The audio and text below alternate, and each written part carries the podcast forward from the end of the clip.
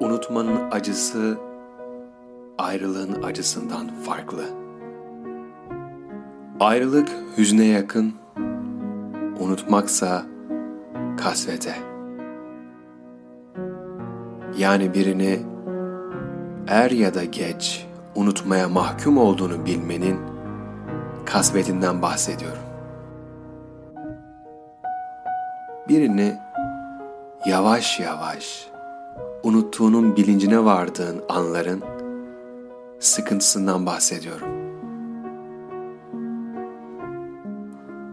O kişinin parça parça silinip alakasız hatıraların arasına karışmasından bahsediyorum. Belki de neden bahsettiğimi bilmiyorum. Sadece üzülüyorum.